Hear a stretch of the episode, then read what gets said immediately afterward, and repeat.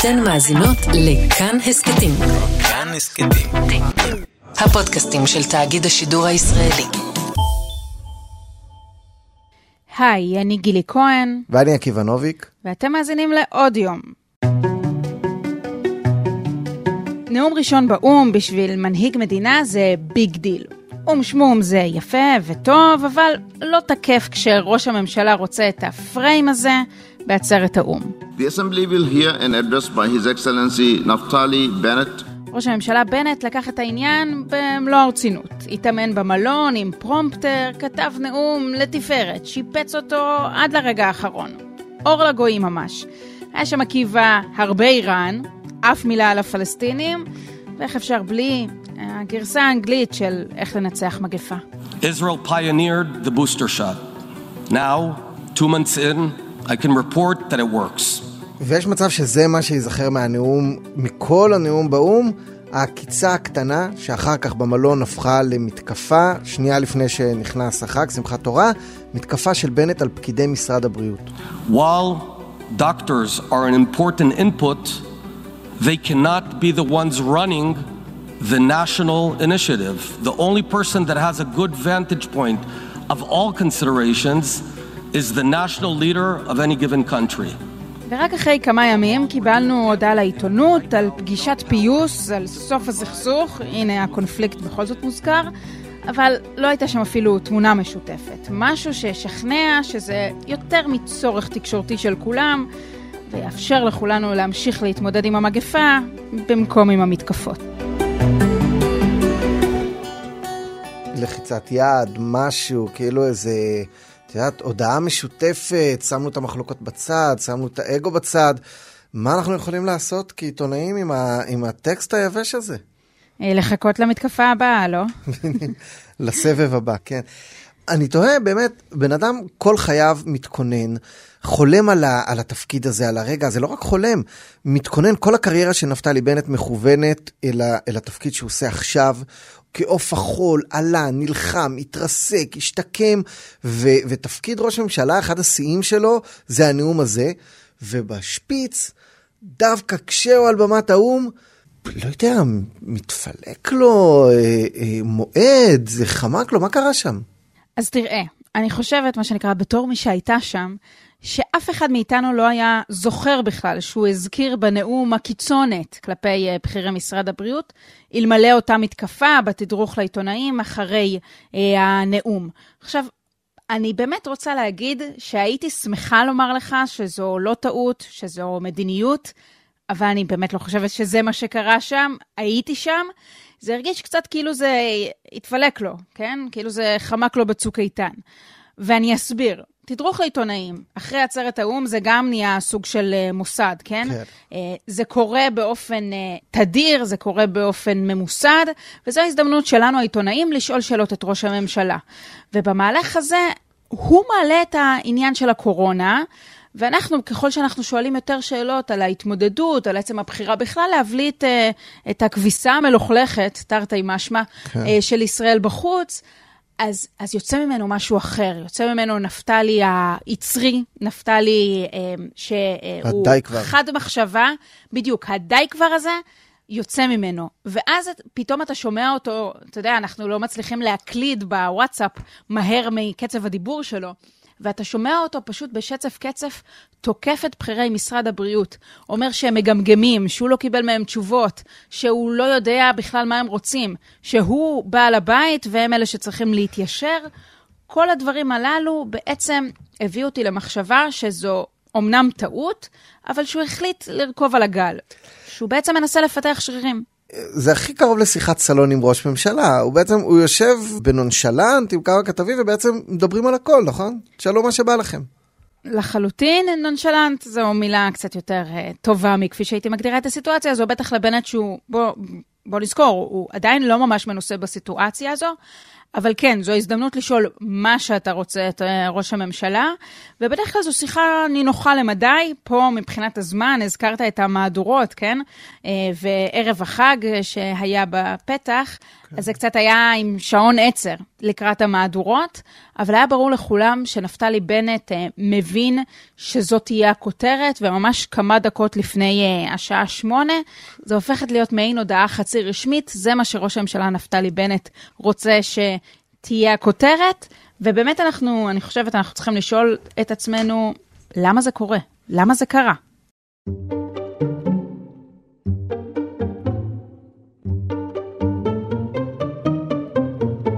חשבנו לקרוא לפרק הזה כשבנט עושה ביבי, כי זה, זה הרי מאוד מאוד ביבי.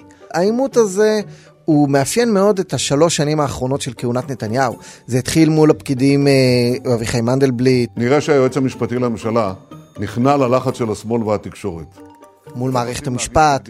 ברור שיש פה החלטות פוליטיות שהתקבלו על ידי בכירי המשטרה והפרקליטות תוך כדי עיוות הצדק והחוק אבל זאת הייתה הביקורת המרכזית, נדמה לי, של בנט ולפיד על נתניהו. כלומר, אין הבדלים אידיאולוגיים ענקיים בין בנט לנתניהו, מלבד ההבטחה המרכזית הזאת של אצלי יש שקט תעשייתי. אצלי ראש הממשלה לא ייכנס ככה במאה קמ"ש בפקידים. בכל כך הרבה מצבים שהייתי צריך לקבל את ההחלטות נגד מומחים ונגד התקשורת ונגד כל אלה שצקצקו ו... וביקרו. כלומר, הוא, הוא ממש הקריב פה מולכם בבית המלון את ההבטחה המרכזית שעליה הממשלה יושבת. יותר מזה, אני חושבת שבמידה רבה גם בנט וגם uh, סביבתו מדברים כל הזמן על הרוח החדשה הזו, על הניסיון לייצר ממשלה נורמלית שעובדת עבור האזרחים, ופה פתאום שוב קפץ לו הילדותי, אה, קפץ לו הדבר הנמהר הזה, שממהר להגיב מבלי לחשוב הרבה, מבלי שתהיה פה איזושהי אסטרטגיה, וזה בסדר לעשות את זה כשאתה שר, כן? זה פחות בסדר לעשות את זה כשאתה ראש ממשלה, ואני אגיד יותר מזה, זה גם קצת אפילו פחות בסדר לעשות את זה כשאתה ראש ממשלה באו"ם, בפריים טיים המדיני הזה. זו אגב אחת הביקורות שהוטחו בו על ידי אנשי משרד הבריאות. סבבה שאתה תוקף אותנו, תתקוף אותנו, אבל למה באו"ם? למה, למה בחו"ל? למה בכזה חוסר קלאס? כאילו, בסלון שלך, פה, ב- בתוך המשפחה, למה, למה מול כל האומות? מזל שלא היו שם אה, הרבה אומות. אני מנסה אבל גילי לחשוב למה זה בא לו, מאיפה זה בא. חזרתי לספר שאני נוסע עימי במכונית, איך לנצח מגפה, שהוא, בנט כבר הצטער עליו ואמר, למדתי שיעור בצניעות, אבל אפשר עדיין ללמוד מהשיעור הזה עוד הרבה, זאת מתנה שעדיין נותנת. ובכל 140 ומשהו העמודים של הספר הזה, יש מוטיב אחד, שאולי אפשר לסכם אותו במילה חדשנות. בנט מדבר על עצמו כיזם הייטק. כל דבר שהוא עושה, הוא מאוד מאוד אוהב לספר איך הוא קרא מלא דברים, וישב לילות שלמים עד שבא לו הפתרון. הוא חושב קצת, נדמה לי כמו הקצין בסיירת מטכ"ל שהוא פעם היה, וכל הזמן חוזר לדמות הזאת, של אין בעיה שאי אפשר לפתור, והוא מהלל את החדשנות הישראלית, וגם בספר ההוא כבר, כשעוד בימי אה, בר סימנטו וסדצקי, הוא מדבר על משרד הבריאות כגוף מאובן, מיושן, שלא יודע לחשוב מהר ולא יודע לחשוב חכם, ו, וגם עכשיו, הוא רואה בעצמו איזה, איזה סירה מהירה, זה הכל דימויים שלו. הוא רואה בעצמו סירת מנוע מהירה שיודעת לעקוץ ולתקוף מהר, ומשרד הבריאות זאת ספינה מיושנת, נושאת מטוסים שקשה מאוד להזיז, ונדמה לי שזה אומנם מהבטן, אבל הוא מזהה פה משהו, הוא מזהה שיש לו כן קרדיט לקחת עליהם. כלומר, זה לא בא לו לגמרי מהבטן שהוא מנסה לצייר את עצמו כמוסקטר שתוקף מהר וחד, ואת משרד הבריאות כקשיש הזה ש, שלא ממש בנוי לשינויים. זה יותר מזה. אני רק רוצה אה, להביא לך ככה אה, הדלפה חמה מתוך התדרוך. בנט, אה, במהלך התדרוך עצמו, אומר משהו כמו, במידה מסוימת הסיטואציה הנוכחית זה כמו לנהל ממשלה בקצב סטארט-אפ. כלומר, הוא כל הזמן, זה נקודת הייחוס שלו. מה קורה בעולם ההייטק, איך מנהלים את זה באופן תזזיתי כזה. עכשיו, בואו נודה על האמת, כן? 90% מהסטארט-אפים נכשלים. אז, אז השאלה היא עד כמה באמת אפשר אה, שזאת תהיה המדיניות הממשלתית שלך. אה, בטח כשאתה פה לא מגייס אה, כסף מאיזה קרן הון סיכון, כן? הכסף אה, מגיע ממקום אחר. אבל אני כן רוצה להתחבר למה שאתה אומר, או במילים אחרות, אה, למצוא את האסטרטגיה מאחורי השליפה הזו. הנתונים בעדו. כלומר, במידה רבה, אם הוא שנייה היה מתאפק, נושך שפתיים ועובר הלאה, זה היה אה, פי אלף יותר סטייל, כן. כי הנתונים משחקים לטובתו, הוא, הוא די מנצח לטובתו. אותם, לא? זה יותר מזה, תראה, את שיא המגפה, אפשר לומר, או את שיא אמ, הגל הנוכחי כנראה כבר עברנו, ובגלל קצב ההתחסנות הגבוה, שאגב, הוא צדק בהערכה שלו, אנחנו רואים בימים האחרונים באמת עלייה בקצב המתחסנים במנה השלישית, וכך בדיוק אה, בנט העריך. אז מספר החולים קשה נמצא כרגע בנקודה שמפה אפשר רק לרדת, אלו התחזיות שהוצגו גם לו, גם לאחרים. במילים אחרות, הוא יכול פשוט לומר, אמרתי לכם, אבל ביותר חן, כלומר, להמתין בסבלנות, ואז כן. לקרוב את הקופה. ונראה לי ש, שקצת כואב לבנט, אה, בנט הילדותי ששולף מהבטן קצת, כואב לו שהוא לא מקבל קרדיט, וזה משהו מאוד אנושי. כמה קרדיט כבר בנט מקבל? הוא ראש ממשלה שיש לו נקודת פתיחה מאוד גרועה. חלק גדול בציבור לא יכול להיות. לא ייתן לו קרדיט על כלום. אה, חלק נותן לו קרדיט שלפעמים נשמע קצת מוזר, אבל הוא אומר, הנה אני צדקתי, והקרדיט לא מספיק מגיע אליי. למשל, בימים האחרונים שדוקטור שרון אלראי פרייס אמרה, אנחנו החלטנו על החיסון השלישי, על הבוסטר ולא הממשלה, אני חושב שזה מוציא אותו מדעתו, זה, זה מפוצץ לו הווריד במוח ממש. זה מזכיר לי סיטואציה מעולם הכדורסל, אה, שהרכז או הלברון ג'יימס או מישהו לוקח את הכדור עשר שניות לסיום, מסמן לכולם זוזו מהדרך, אני אעשה מה שאני יודע לעשות, הכל עליי, וכמובן אם הוא ייכשל הוא יתרסק, אבל... יש איזו כריזמה אדירה ברגע הזה שהכוכב, זה לא רק בכדורסל, זה כמעט בכל ספורט או משהו, שהוא אומר, זוזו, עכשיו אני, ובנט מרגיש שהוא עשה את זה. שהוא אמר, יש פה גל רביעי בפתח, משרד הבריאות אומרים 1, 2, 3, זוזו, אני יודע, אני מחבר הספר איך לנצח מגפה, אני ראש הממשלה, הוא עשה את זה, כמו שאת אומרת, הנתונים איתו. הוא לא סגר את המשק, לא היה פה סגר בחגים, כמו שבמשך כמה שבועות כולם היו בטוחים שיקרה. אה, שנת הלימודים פחות או יותר נפתחה, ועכשיו מגיע הרגע לקצור את הקרדיט. הוא רואה איך נתניהו קצר קרדיט אדיר על חיסונים א' וב', והוא לא מקבל את הקרדיט של חיסון ג'. הציבור לא יוצא מכליו בתודה נפתלי בנט, בטח לא כמו שהיה תודה ביבי. והוא כאילו אומר, עכשיו הפקידים האלה גם לוקחים לי את הקרדיט על משהו שהם היו נגדו. הם אמרו לסגור את המשק, לא סגרנו, ועכשיו אני לא אקבל את הקרדיט? אני חושב שיש בזה פשוט משהו מאוד אנושי, לא? אמרת פוליטיקה, אמרת אנושיות, לא?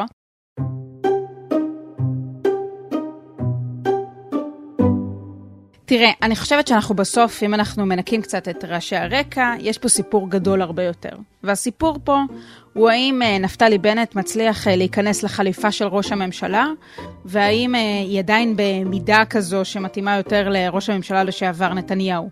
אם הוא בצל של נתניהו ועושה נתניהו סטייל, וראינו את זה במתקפות על הפקידים, שזה עם אימא של נתניהו, או שהוא מנסה לעשות משהו אחר.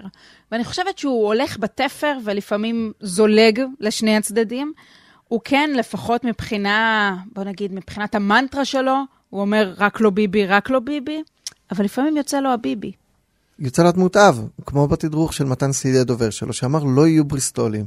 זה ממש להגיד את התת מודע, זה להגיד אנחנו יראים מנתניהו, אנחנו חיים את הדמות שלו, אם הייתי פסיכולוג בגרוש, ואני כן בעצם, אז אני אגיד, אה, זה, זה מין דמות התסביך האב שכזה, אני לא דומה לו, אני אחר, והנה, אתה בסוף, כשיוצאת הבטן, אז הוא הכי דומה לו. וכאן באמת, אה, אולי, עקיבא, אנחנו צריכים אה, לשאול, לדעתי לפחות, מה יישאר מהסיפור הזה. אז נאום, בוא נודה על האמת, הנאום עצמו לא החזיק אפילו לכותרות המהדורה של אותו יום. והמתקפה הזאת, אני חושבת שעוד שבוע-שבועיים גם היא תהיה עוד אחת מקרבות הממשלה הזו. השאלה מה בסוף נשאר. כלומר, האם בנט מצליח לסלול לו דרך אחרת, או שאנחנו רואים פה, אם ניקח את האלי אקספרס, אז אם אנחנו רואים פה אלי אקספרס של נתניהו או לא. וגם השאלה האם זה ישתלם לו. לבנט, האם אה, לריב עם הפקידים זה עובד? האם יש לו אלקטורט? האם הוא יתחזק מזה? תראי, בנט היום על הקרשים. אני מסתובב אה, בחוגים שהצביעו בנט, אם עכשיו יש בחירות, הוא הולך הביתה. האם ככה הוא יקום מה, מהקרשים? זאת שאלה. כי ב-DNA, אגב, יש אה, רצון לראות את אה, מה שנקרא שלטון הפקידים נחלש, יש סנטימנט כזה בימין. האם הוא יתאפס על זה? או האם זה יעזור לו? אז אני רוצה לטעון משהו אחר, כן? כן. Uh, נפתלי בנט ראש ממשלה שלושה חודשים. הסיכוי שיהיה בחירות כעת הוא קלוש, אין לאף אחד אינטרס uh, שזה יקרה. והוא קצת, אתה יודע, כמו אה, מפקד אה, פלוגה חדש, שבשלושת החודשים הראשונים חושב שהוא יצליח לשנות את כל המדיניות שהייתה בפלוגה עד כה. מתעסק במשמעת. בדיוק, אז הוא מתעסק במשמעת וקצת עושה קרבות צעירים ותיקים, אני בטוחה שהוא יתחבר לדימוי הזה, אגב. Yeah. אבל בסוף מגיע הרגע אה, שבו יש את המבצע מעצרים הראשון שמסתבך, או הקרב הראשון אה, באש. ואז מתגלות היכולות האמיתיות, ואני חושבת שזה יהיה באמת המבחן של בנט. אנחנו כרגע קצת משחקים בעולם הדימויים, בעולם החליפות והנעליים, ואם זה במידה המתאימה או לא במידה המתאימה, ואם זה הולם אותו או לא הולם אותו. המבחן האמיתי יהיה הרבה יותר מורכב, והמבחן האמיתי לדעתי עוד לא הגיע. אני נוטה להסכים איתך. אם נסתכל על, על מה שאנחנו קוראים ביבי ומלחמות אה, הפקידים וכולי, היה סנטימנט מאוד חזק בימין ש, שקנה את זה. כשנתניהו תקף את מנדלבליט, או כשנתניהו ואמיר אוחנה ויריב לוין אמרו, פקידים לא יחליטו, לא יקבעו, אנחנו הדרג הנבחר, אנחנו נחליט, זה דיבר לסנטימנט מסוים אה, בימין. יש שני סנטימנטים. אחד, זה מי שאומרים משילות, והשרים צריכים למשול, והשני זה מעריצי נתניהו שאומרים אמן על כל מה שהוא יגיד. מעריצי נתניהו לא עברו לבנט. מי שרוצים משילות וכולי, אני לא חושב שממש תומכים אה, בבנט. אני חושב שגם בנט מבין את זה, ובאמת, יכול להיות שאנחנו מדברים פה על איזו תאונה צדדית, על איזה, את יודעת, עידנא דריתחא. יכול להיות שעכשיו, שבוע בדיוק אחרי יום הנאום, וואי, איך הזמן רץ, אה? יכול להיות באמת ש... שיתפלק לו, ויכול להיות שאם הוא עכשיו יכול היה להחזיר את הגלגל לאחור, הוא היה בוחר בכלל נקודה אחרת לנסות שיזכרו אותה. אז אני רוצה לחלוק עליך, אני חושבת שאם בנט היה רוצה להחזיר את השד הזה לתוך הבקבוק, אז הוא לא היה ממשיך. אה, ומדבר איתנו עיתונאים לפני ההמראה, ומוציא אחר כך עוד הודעה. ויוצא ועושה... במטוס מהמחלקה הראשונה ואומר, אתם זוכרים שאני תוקף את הפקידים? ועושה אאוטינג לפגישת פיוס. היה אפשר, אה, בוא נגיד את זה כך, כנראה שהוא מבין שיש לו מה להרוויח מהסיטואציה הזו. ושוב, אני חושבת אה, אה, שבסוף השאלה, האם הוא ידבק בגישה שלו שמבקשת אה, להדגיש את הנורמליות ואת שיתוף הפעולה ואת הקומביה הזו, הזה של הממשלה הנוכחית, או שאנחנו נראה בסוף את ההבנה שככה זה בפוליטיקה, בטח בפוליטיקה הישראלית. צריך קצת שרירים ומרפקים בשביל להתבלט.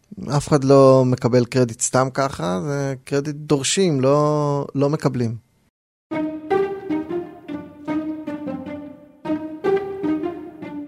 אולי גם דרך ההתנהלות של בנט אנחנו רואים איזו תובנה על הקורונה. לא דומה נפטר היום מקורונה לנפטר לפני שנה. קרה פה משהו בתהליך איטי, קצת אובדן סבלנות לבלתי מחוסנים. גם אם היו עכשיו 2,000 או 3,000 מתים בשלושה חודשים האלה של בנט ולא 1,300, אני לא בטוח שהייתה משמעות למספר הזה. עכשיו, ננסה להיזכר במאה המתים הראשונים מקורונה, היה פה זעזוע אדיר. גם ב-500, ב-1000, ב-2000, אני לא חושב שזה בגלל שראש הממשלה היה נתניהו, אלא כי זה מתים ראשונים, והייתה תחושת חוסר, חוסר ברירה, ומלאך המוות קצר כמעט באקראי את החולים, ועכשיו, כשיש את מבצע החיסונים, יש איזו תחושה של יש לנו דרך להימנע מזה, ו... ואני חושב שבני קצת מזהה את הסנטימנט הזה. את זה ש-1,300 מתים או 2,000, זה לא מאוד משנה לציבור. הציבור מעדיף שהמשק יהיה פתוח ושיילחמו לפתוח את, את המערכות, גם במחיר, מה שאיילת שקד אמרה, להכיל את המתים. גם שם אני לא חושב שזאת הייתה ממש תאונה, אלא היא ידעה מה היא אומרת. היא אמרה, נכיל את המתים כי יש גם מחירים אחרים. אה, לחלוטין, ואני גם חושבת שהציבור הישראלי פשוט אה, רווי. הוא רווי הגבלות וסגרים. וזו סיטואציה, תראה, איך נאמר, היו לי כמה ימים בחו"ל בעת האחרונה. קשים אתה חייה רואה- של כתבת מדינית. בדיוק, אה, לתרומות אה, כן. העבירו. כן, אז אתה מסתובב אה, בנסיעה הזו בניו יורק, בניגוד לנסיעה בוושינגטון, שבה על פי הנחיות משרד הבריאות לא יכלנו לצאת את המלון, בנסיעה הזו היה לי זמן להסתובב. לא הרבה, צריך לעבוד בכל זאת, אבל קצת אה, להריח ניו יורק היה שם. ואתה רואה עיר שמתנהלת, כלומר, עיר שחזרה במידה רבה לשגרה.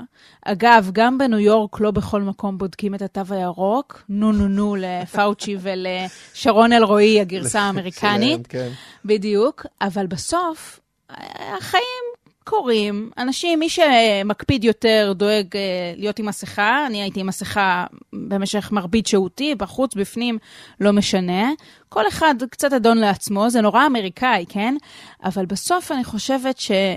כשהעולם נפתח ואתה רואה איך מדינות אחרות מתמודדות עם הסיטואציה, אתה מגלה גם עכשיו שכולם פחות או יותר נוקטים את אותו קו, בטח היום, אחרי ההבנה שחיסונים זה המזור, והוא לא מזור מושלם. ופה אפשר לפרגן לבנט שהוא חד והוא הוא קולט דברים, אני חושב שהוא היה אחד הראשונים לקלוט את היציאה הזאת. בכל העולם פשוט יימאס לאנשים מהקורונה, ואני חושב שהוא זיהה ראשון אולי את הקרדיט שיהיה פה.